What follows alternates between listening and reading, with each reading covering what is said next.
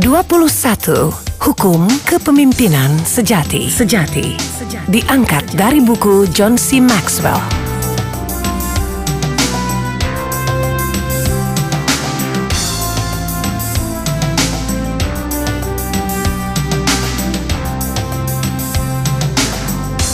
Hukum-hukum ini adalah landasan dari kepemimpinan. Semuanya dapat dipelajari. Masing-masing hukum melengkapi yang lainnya. Terapkanlah, maka orang akan menjadi pengikut Anda. Langgarlah atau abaikanlah, maka Anda tak akan dapat memimpin orang lain.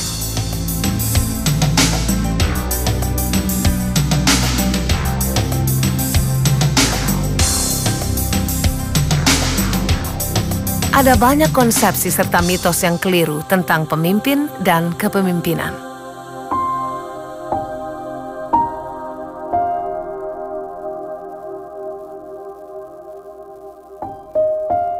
Mitos manajemen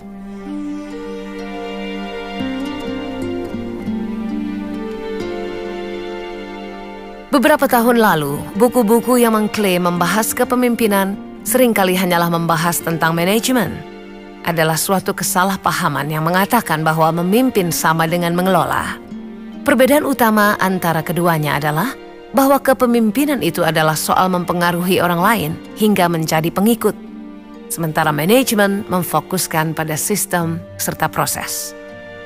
Cara terbaik untuk menguji apakah seseorang dapat memimpin atau hanya mengelola adalah dengan memintanya untuk menciptakan suatu perubahan positif.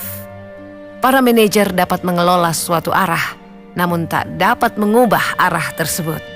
Untuk menggerakkan orang ke arah yang baru, Anda membutuhkan pengaruh.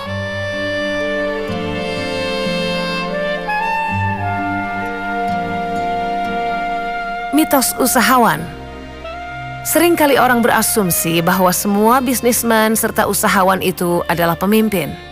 Namun, tidaklah selalu demikian. Seorang bisnismen atau usahawan memang berjiwa dagang, inovatif, dan sukses, terutama jika Anda mengukurnya dengan nilai penjualan yang telah diraihnya. Namun itu tidaklah menjadikannya seorang pemimpin. Orang mungkin membeli barang yang dijualnya, namun tidak menjadi pengikutnya. Ia hanya dapat membujuk orang sejenak, namun tidak memiliki pengaruh jangka panjang terhadap orang-orang tersebut.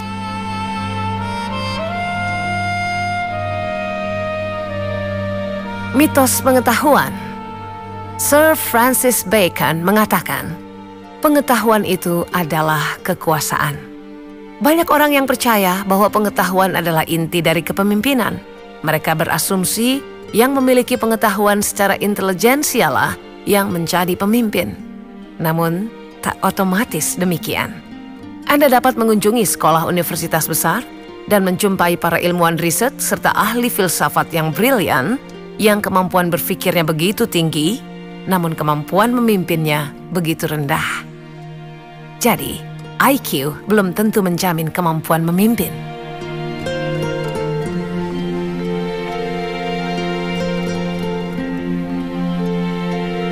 Mitos pelopor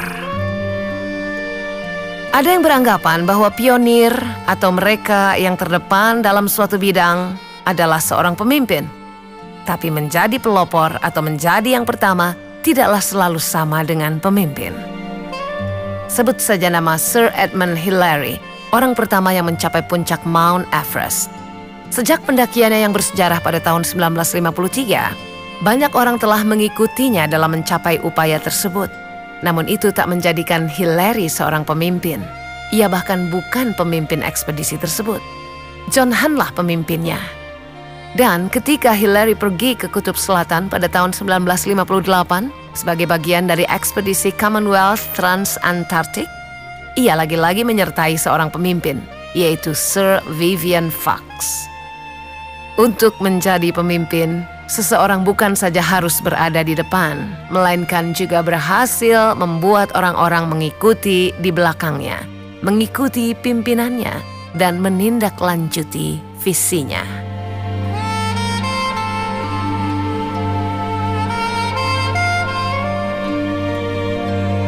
Mitos posisi Orang menyangka bahwa kepemimpinan itu didasarkan pada posisi.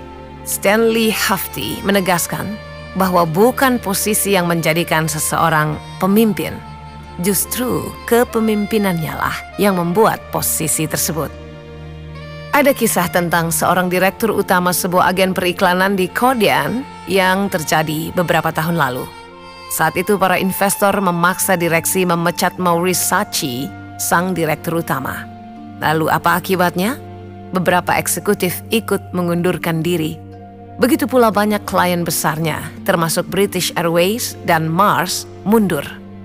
Pengaruh Sachi begitu besar sehingga kepergiannya menyebabkan saham perusahaan langsung jatuh dari 8 menjadi 4 dolar per saham. Itu adalah akibat dari hukum pengaruh. Sachi boleh kehilangan gelar serta posisinya, namun ia terus menjadi pemimpin. Karena seorang pemimpin tidak memiliki pengungkit atau pengaruh, ia menjadi tidak efektif. Dalam organisasi militer, para pemimpin dapat menggunakan pangkat, dan dalam bisnis para bos memiliki pengungkit luar biasa dalam bentuk gaji, tunjangan, serta kesejahteraan. Kebanyakan pengikut akan bersikap lumayan kooperatif jika nafkahnya menjadi taruhan. Namun dalam berbagai organisasi yang para anggotanya adalah sukarelawan, satu-satunya hal yang efektif adalah kepemimpinan dalam bentuknya yang paling murni. Para pemimpin hanya memiliki pengaruh untuk membantunya. Dalam hal ini, Harry A. Overstreet menegaskan bahwa inti dari segala kuasa untuk mempengaruhi terletak pada kemampuan membuat orang lain berpartisipasi. Para pengikut di berbagai organisasi yang anggotanya adalah sukarelawan tidak dapat dipaksa. Jika sang pemimpin tidak punya pengaruh terhadap mereka, mereka tidak akan mengikutinya. Jadi, jika Anda benar-benar ingin mencari tahu apakah orang-orang Anda mampu memimpin, utuslah mereka untuk memberikan waktunya sebagai sukarelawan di komunitas. Jika mereka dapat membuat orang lain mengikuti mereka, sementara mereka melayani palang merah, tempat penampungan, atau bahkan tempat ibadah, maka Anda tahu bahwa mereka benar-benar punya pengaruh serta kemampuan memimpin.